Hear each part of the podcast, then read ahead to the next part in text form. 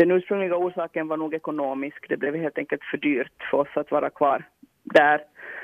Lokalen var också kanske lite för stor för våra dåvarande behov. Så att vi, vi, vi sökte helt enkelt bort oss själva därifrån. Men sen visade det sig vara jättesvårt att hitta en annan lokal, vilket vi ju kanske inte hade räknat med i det skedet. Varför är det svårt att hitta en annan lokal? Det finns inte att hyra för det första. Det finns krav på hurdan lokal man, kan, man får ha när det gäller dagvård.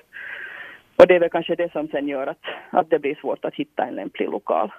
Vad är det till exempel då för krav som gör att, att det blir svårt? På till exempel toaletter och barnantalet, hur många toaletter man ska ha och sen brandsäkerheten är väldigt, det är noga med det och trappor, trapporna ska få se ut på ett visst sätt och utgångar och sen har vi ett, en, ett eget kök, vi har liksom tillredningskök så det gör också att det ska, att det finns vissa krav på det och, och sånt.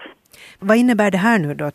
Slutar ni med, med Solgården eller, eller hur, hur blir det? No, officiellt har vi nog bara satt verksamheten på paus.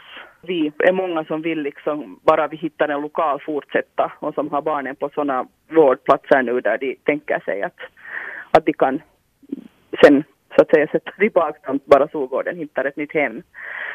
Uh, så det är nog tanken, att vi fortsätter söka lokal och att vi sen öppnar på nytt när vi, när vi har familjer också som nya familjer som, som det där har meddelat intresse. Det är inte heller bara gamla familjer som, som har meddelat intresse. Det känns fruktansvärt måste jag ärligt säga. Det är riktigt hemskt för det har varit jätteuppskattat och vi har älskat det.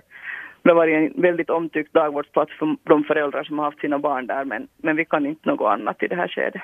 Vi var förberedda på det ju på, no, på något plan men, men inte ville man ju tro det. Hur sannolikt tror du att de barnen kommer sen tillbaka om man kan fortsätta någonstans i Karis? Jag tror nog att det är jättehög sannolikhet där. För vi kommer nog, för eftersom föreningen fortsättningsvis kommer att vara aktiv så kommer vi att hålla kontakt med de föräldrar som hade barn här under, under våren och hösten och så det där. Så jag tror nog att den, den sannolikheten är nog hög.